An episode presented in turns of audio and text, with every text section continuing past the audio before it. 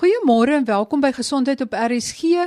Ons gesels vandag oor tiroïedfunksie. Daardie klein kliertjie in jou nek wat eintlik soveel probleme kan veroorsaak as dit nie 100% reg werk nie. Ek is in die spreekkamer van Dr Marius Wasserval. Hy is spesialis internis by die Panorama Medikliniek. Dr Wasserval laat ons sommer wegtrek en sê wat is die tiroïed? Presies waar is hy geleë en waarom het mense 'n tiroïed?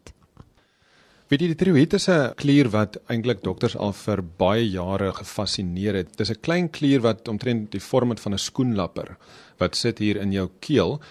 Die woord tiroïed word afgelei van die Griekse woorde tirios wat beteken skild en eidos wat beteken vorm. Want hy's in 'n skildvorm geleë reg voor die tiroïed kraakbeen in jou keel. So hy's basies geleë min of meer tussen jou stemboks of die larynx en dan bokant die sleutelbene. Hy ontwikkel omtrent in die derde week van fetale ontwikkeling en teen die 11de week produseer hy tiroïedhormoon wat geweldig belangrik is vir die normale ontwikkeling beide in groei en in die verstandelike funksie van die baba. Die funksie van die tiroïed is basies om jou metabolisme te reguleer dis iets wat hulle aloor gewonder het van voor Christus en dis baie interessant as mens na die mediese geskiedenis gaan kyk van die tiroïed hoe daar in verskeie portrette veral vrouens geskilder is met 'n krop geswel. So ver terug soos Kleopatra wat voor Christus was. Sy was die laaste farao sover my kennis strek voordat die Romeinse ryk oorgeneem het in Egipte. En daar skilderye van haar met 'n krop geswel. En dwars deur die eeue van daardie tyd tot en met nou is daar verskillende sketse wat vir ons meer kennis dan gee oor tiroïede en waar dit vandaan kom, maar is werklik eers in die 1800s en die 1900s wat ons begin verstaan het waarom mense kropgeswel kry. Die tiroïedse funksie is grootendeels die regulasie van die liggaam se metabolisme. Ek verduidelik baie keer vir pasiënte soos die petrol in die engine. Jy kan 'n normale engine hê, maar as jy nie die petrol het wat die metabolisme dryf nie, dan het jy 'n probleem, dan gaan die kar nie werk nie. Hierdie metabolisme kan natuurlik oordryf word in die vorm van 'n ooraktiewe skildklier en dan is alles in die liggaam vinniger met verskeie komplikasies. En aan die ander kant weer kan jy ook onderdrukte metabolisme hê as jy 'n onderaktiewe skildklier het. En dan het jy natuurlik 'n teenoorgestelde beeld van ooraktief so baie metaboliese prosesse in die liggaam is dan weer stadiger. Sê maar iemand het nou 'n ooraktiewe skildklier en alles is te vinnig. Wat is die simptome? Klop die een se hart te vinnig of wat is dan te vinnig? Weet jy omdat die tiroïed sentraal staan tot metabolisme, kan jy feitelik elke stelsel in die liggaam gaan evalueer onder verhoogde metabooliese effekte. So sal jy tipies iemand met erge ooraktiewe skildklier kan identifiseer dat hulle eerste plek angstig raak, hulle raak gespanne, hulle raak geïrriteerd dan kan jy kry dat hulle sukkel om hitte te tolereer. Hulle sweet baie. Hulle raak bewerig. Wat die hart betref, wat natuurlik 'n baie groot komplikasie is van ooraktiewe skildklier, kan hulle hartklopings kry. Dis een van die vroegste tekens wat die Grieke geïdentifiseer het. Die hart kan ook disritmes kry wat baie gevaarlik kan wees. Jy kan spierswakheid ervaar, jy kan selfs verhoogde darmbeweging ervaar wat dan sal voordoen met diarree. In vrouens kan jy menstruasie abnormaliteite en infertiliteit kry. So daar is verskeie effekte van die tiroïedhormoon en ooraktiwiteit kan min of meer al die stelsels in die liggaam betrek. En wat is dan tipies van as die tiroïed onderaktief is? Dit sou natuurlik nou weer teenoorgestelde daarvan wees. So as 'n mens nou weer bo sou begin, dan kan jy wat die verstandelike effekte betref, kan jy iemand kry wat depressief begin raak uh mense wat begin gewig optel wanneer die metabolisme is al hoe stadiger. Hulle kla van droë velle, hees stemme, hartlywigheid. Jy kan 'n verlaagde polsspoed kry en hulle voel moeg en swak en pap sonder enige ander duidelike oorsaak. Goed, as mens dan kyk na die werking van die tiroïed. Hoe weet die tiroïed om aktief te wees of om onderaktief te wees? Is daar iets wat enige effek op die tiroïed het en presies hoe werk dit? Is daar hormone by betrokke? Verduidelik net so 'n bietjie meer daarvan. Ja, weet jy, dis ook interessant as jy kyk na die geskiedenis dan weet ons al van ongeveer die jaar 2700 voor Christus van kropgeswelle. En as mens deur die geskiedenis kyk, dan was dit regtig eers in die middel 1800s wat ons agtergekom het wat die doel is en hoe die interaksie tussen die tiroïed en die brein regtig werk. In die brein het jy 'n klein klier wat hulle noem die pituitêre klier of die hipofise. Die hipofise staan aan beheer van die tiroïedhormoon en dan natuurlik van die liggaam se metabolisme. So wat hy doen is hy meet die hoeveelheid tiroïedhormoon in die liggaam. As daar genoeg tiroïedhormoon is, dan skei hy net 'n normale hoeveelheid af van 'n hormoon wat ons noem die tiroïed stimulerende hormoon. Ek beskryf dit altyd as die voorman en die tiroïed self is die werker. So as die werker sy werk doen, dan sal 'n sekere aantal tiroïedhormoon teenwoordig wees in die liggaam en die TSH vlak sal ook binne sekere normale reikwytes wees. So die voorman praat sekere hoeveelheid en die werker doen 'n sekere hoeveelheid. Maar nou kan jy op enige van daai vlakke probleme kry. So as die werker lui raak vir watter een ook al van die verskeie moontlike redes wat daar is, dan gaan jy kry dat die voorman begin skree op die werker. So die hipofise sal die verlaagde tiroïedhormoon in die liggaam lees, dan sal hy 'n groter hoeveelheid tiroïed stimulerende hormoon vrystel in 'n poging om die tiroïed te stimuleer om dan meer tiroïedhormoon te maak. Die teenoorgestelde is natuurlik ook waar. As jy vir een of ander rede 'n oormatige hoeveelheid tiroïedhormoon in die liggaam het, so jy het 'n skildklier wat ooraktief is, soos ek baie keer sê die engine word nou geref, dan sal die hipofise die ooraktiwiteit en die verhoogde hormone lees en die voorman sal begin om al hoe minder en al hoe sagter te praat en minder te skree op die werker. So jy kry 'n verlaagde vrystelling van die TSH of die tiroïed stimulerende hormoon, maar dan meet jy in die bloed dikwels 'n verhoogde hoeveelheid van die tiroïedhormoon self. Die tiroïedhormoon meet ons in die bloed as die T3 en die T4 vlakke. So die drie hormone wat ons altyd toets met tiroïed funksies is die tiroïed stimulerende hormoon wat vir ons vertel van die funksie vanaf die brein tot by die skildklier, die kommunikasiehormoon. En dan toets ons die T3 en die T4 vlakke wat die sirkulerende tiroïed hormone is. En daai drie hormone moet altyd in 'n balans tot mekaar staan. Net voordat ons verder oor daai hormoonvlakke praat, wat kan die rede wees dat 'n tiroïed of ooraktief is of onderaktief. By verreweg die grootste probleem met die skildklier is onderaktiwiteit. En as jy kyk na die die literatuur, dan sê hulle op hierdie stadium selfs in die jaar 2016 het ons nog omtrent 2 biljoen mense in die wêreld wat onderaktiewe skildkliere het. Die rede daarvoor is omdat die skildklier afhanklik is van jodium.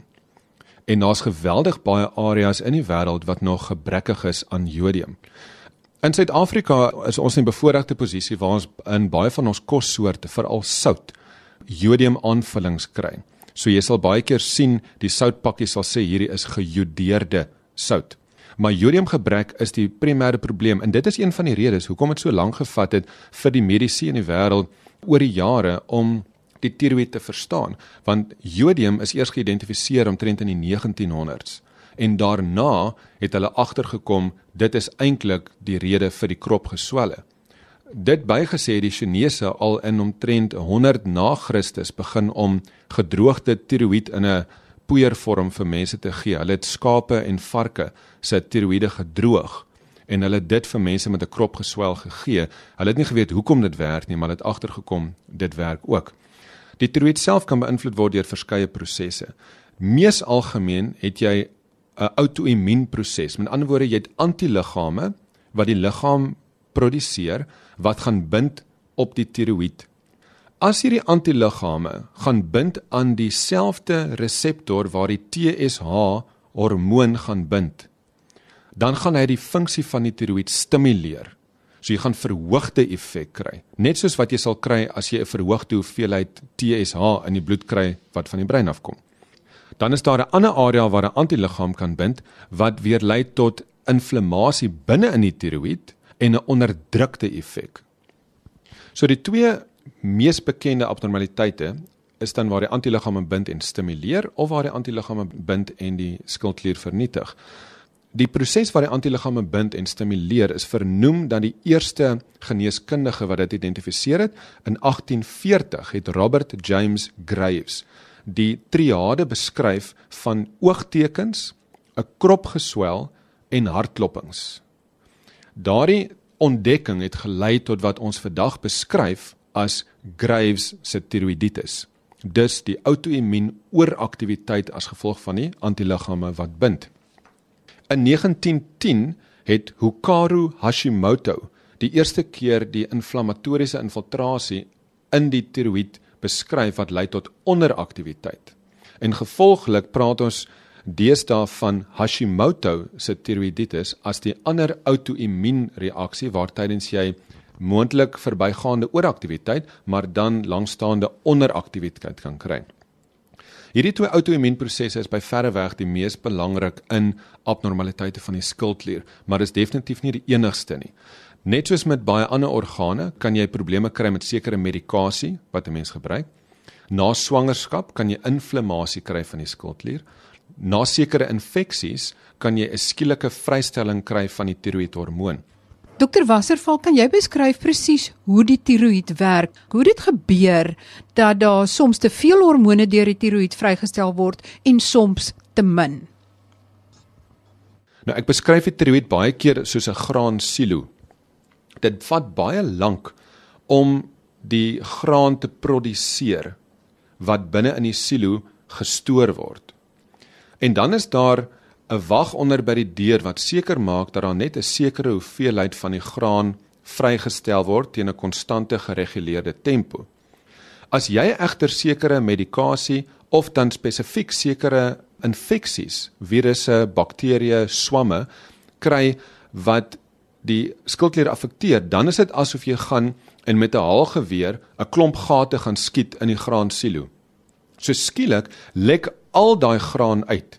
So al die voorafgevormde tiroïedhormoon lek skielik uit die skildklier uit en dit lei dan tot verbygaande ooraktiwiteit. Maar daai ooraktiwiteit kan lei tot geweldige gevaarlike komplikasies. Die natuurlike verloop daarvan is egter dat die graansilo gaan leegloop. So die skildklier stel al sy voorafgevormde skildklierhormoon of tiroïedhormoon stel hy vry dan hy skielik niks oor nie. So van 'n tydperk van ooraktiwiteit gaan jy dan oor na 'n tydperk van onderaktiwiteit. In daardie tydperk herstel die graansilo homself of die tiroïed herstel homself van die inflammasie.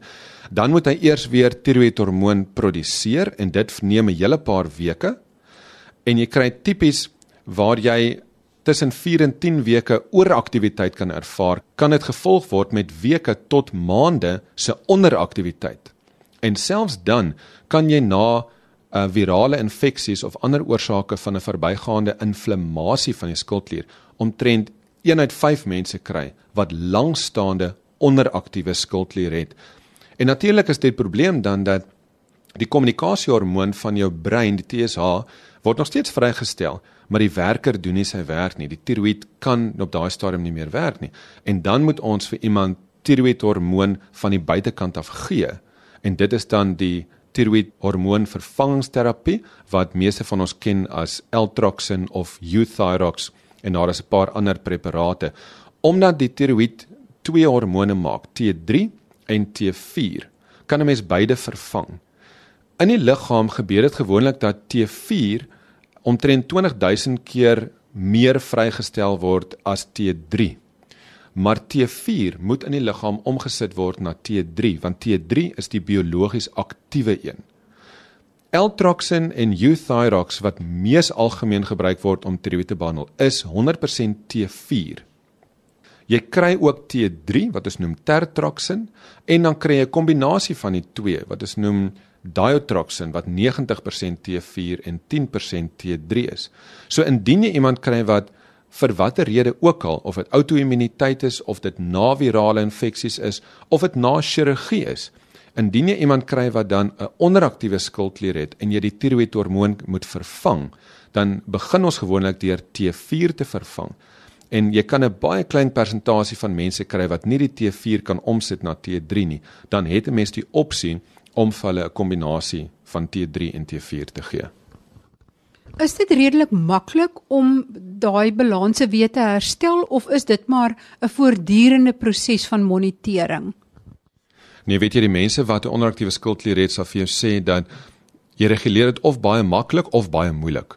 So 'n groot hoeveelheid mense kan jy eintlik baie maklik reguleer. Maar omdat dit so lank vat vir die tiroïedhormoon om geproduseer te word en vir die prosesse om te gebeur, toets jy dit nie elke dag of elke week nie. As ek nou vir jou sou begin op 'n skildkliervervangingspilletjie of 'n tiroïedhormoon vervangingsterapie, dan kan ek eers oor 6 weke weer kyk na die vlakke. Daarna kan 'n mens die vlakke weer aanpas na gelang van die balans tussen die TSH wat die voorman is en dan die T3 en T4 wat nie nou geproduseer word deur die skildklier nie, maar wat nou ingeneem word as 'n pil. Daardie moet egter nog steeds in 'n normale balans wees. So as ek iemand kry wat presenteer met 'n baie hoë TSH want die voorman skree op die werker, maar die tiroïed self werk nie meer nie, dan kan ek vir hom 'n pilletjie gee, maar dan moet die voorman later weer stil bly. Want nou is daar genoeg tiroïedhormoon, maar as ek na 6 weke gaan toets en ek sien hierdie voorman skree nog steeds op die werker, dis die TSH vlakke steeds te hoog, dan moet ek my dosering van my tiroïedhormone bietjie verhoog. En dit is dan baie belangrik om seker te maak dat mense dit genoeg verhoog sodat beide die TSH en die T3 en die T4 binne hulle normale reikwytes is. Maar dis 'n lang proses en aanvanklik moet 'n mens gereeld opgevolg word totdat jy die balans gekry het. En wanneer jy dit gekry het, is dit belangrik om dit jaarliks te monitor en ook om dit te monitor in tye van erge infeksies of in tye van uh, stressore wat kan gebeur omdat daar ook interaksie is met verskeie van hierdie hormone deur ander omstandighede. So dit kan wees net sodra die een dink dat alles nou mooi in balans loop dat 'n uh, omgewingsfaktor so stres eintlik dit weer alles omver kan gooi. Omdat dit tot 6 weke kan vat vir die tiroïedhormoon vlakke om te verander, is dit eintlik redelik stabiel en die effekte wat jy kan kry sal nie so vinnig en dramaties op die tiroïed wees nie. Maar om vir jou voorbeeld te gee, deur die loop van swangerskap, weet ons het mense wat tiroïedvervangingsterapie benodig, meer L-Troxin of meer Euthyrox nodig soos wat die swangerskap vorder, veral in die tweede en die derde trimester wat dan in die middelste 12 weke en die laaste 12 weke is. Natuurlik indien iemand skielik virale infeksies kry wat die skildklier kan affekteer, moet 'n mens dit ook monitor. Maar jy is 'n bietjie gebuffer omdat die proses tot 6 weke kan neem uh, om werklik abnormaliteite te wys. Dan moet ons natuurlik byvoeg dat al is die TSH en die T3 en die T4 perfek binne normale reikwytes, het jy party mense wat steeds simptome van oor of onderaktiwiteit ervaar. Meeste van die tyd is dit mense wat simptome van onderaktiwiteit ervaar alhoewel hulle bloedtoetse dan normaal lyk. So hulle sukkel steeds met gewig, hulle sukkel steeds met depressie, droë vel, hees stem, hare wat breek ensovoorts. In daardie pasiënte kan 'n mens dit dan oorweeg om te probeer om vir hulle die kombinasie van T3 en T4 te gee. Dit is by 'n sekere literatuur kontroversieel, maar daar's wel pasiënte wat sê alhoewel die vlakke normaal was, en na die verandering van terapie steeds normaal lyk, voel hulle net beter en dit kan wees omdat hulle daai bietjie T3 ekstra gekry het.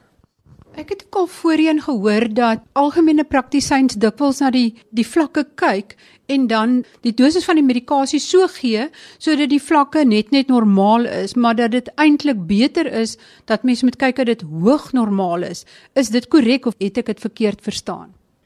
Weet jy ons het nie verlede altyd gesê jou TSH se vlak moet wees tussen omtrent 0.25 en 3.5. Met ander woorde jy moet genoeg van die T4 pilletjie gee om die TSH voldoende te onderdruk onder 3.5. Ons kom nou agter dat pasiënte eintlik beter voel en ons nuwe aangepaste riglyne sê jy wil eintlik jou TSH vlakke onder 2.5 hê. En om dit te bereik, kry ons baie keer dat jy 'n T4 vlak nader aan die bo-grens van normaal gaan kry. Jou T4 moet gewoonlik wees tussen 7 en 16. So as jou vlak by 7, 8, 9 is met 'n hoog normale TSH en simptome, dan kan mens wel die T4 dosering aanpas. So ons mik gewoonlik vir 'n TSH vlak van tussen 0.25 en 2.5 en dan 'n normaal tot hoog normale T4. Wat kan mens doen as die tiroïed ooraktief is? Soos met enige ander toestand behandel jy nie die simptoom nie, jy gaan behandel die oorsaak. So jy moet eers gaan uitvind wat is die oorsaak van die ooraktiwiteit. Baie algemeen in jong vroue kry jy dat dit Graves se tiroïditis is. Met ander woorde, Dis die outoimmuuntoestand waar tydens die antiliggame wat bind aan die skildklier. Daar's egter ander oorsake ook, byvoorbeeld virale infeksies, sekere medikasies in swangerskap ensovoorts.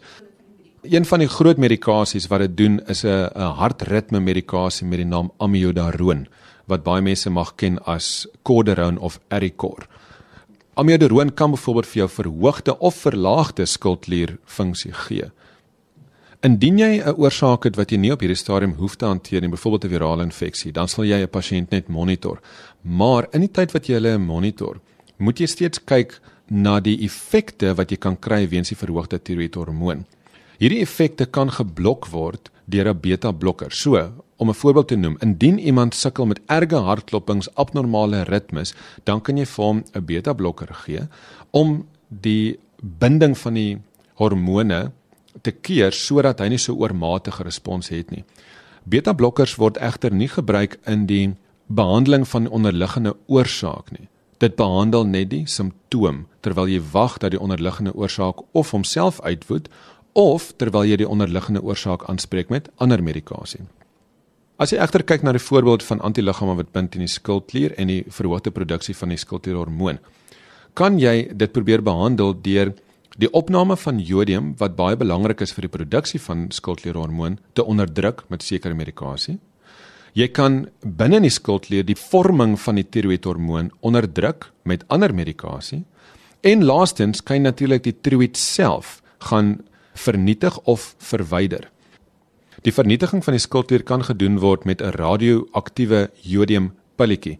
Omdat die skildklier so effektief is daarin om jodium uit die sirkulasie uit te absorbeer, kan ons radioaktiwiteit gaan koppel aan jodium. Dit sal geabsorbeer word deur die skildklier en jy kry dan 'n baie baie lae en 'n baie veilige dosering bestraling in die skildklier wat dan die skildklierweefsel selfs sal vernietig sodat jy nie verhoogde tiroïedhormoon produseer nie. Laastens kan jy natuurlik indien jy 'n area of 'n nodule het wat verhoogde aktiwiteit het in die skildklier of indien jy algemene verhoogde aktiwiteit het, kan jy natuurlik die skildklier ook verwyder. Ons hou dit gewoonlik net as 'n latere opsie. So vinnig kom ons dan alweer aan die einde van hierdie program, maar hierdie program is maar net deel 1 van twee dele oor die tiroïed. In die volgende program oor die tiroïed gesels ons oor wat gebeur as jy nie jou medikasie neem nie? Wat is 'n tiroïed krisis? Wat as die fout by die hipofise lê en nie noodwendig by die tiroïed nie? Kan jy oordoseer deur te veel medikasie te neem? Ons kyk ook na moegheid. Ons kyk na tiroïed nodules en dan verduidelik dokter Wasserval ook presies hoe dit werk dat iemand wat 'n ooraktiewe tiroïed het, se oë lyk asof dit wil uitpeel. Tot volgende week dan. Totsiens.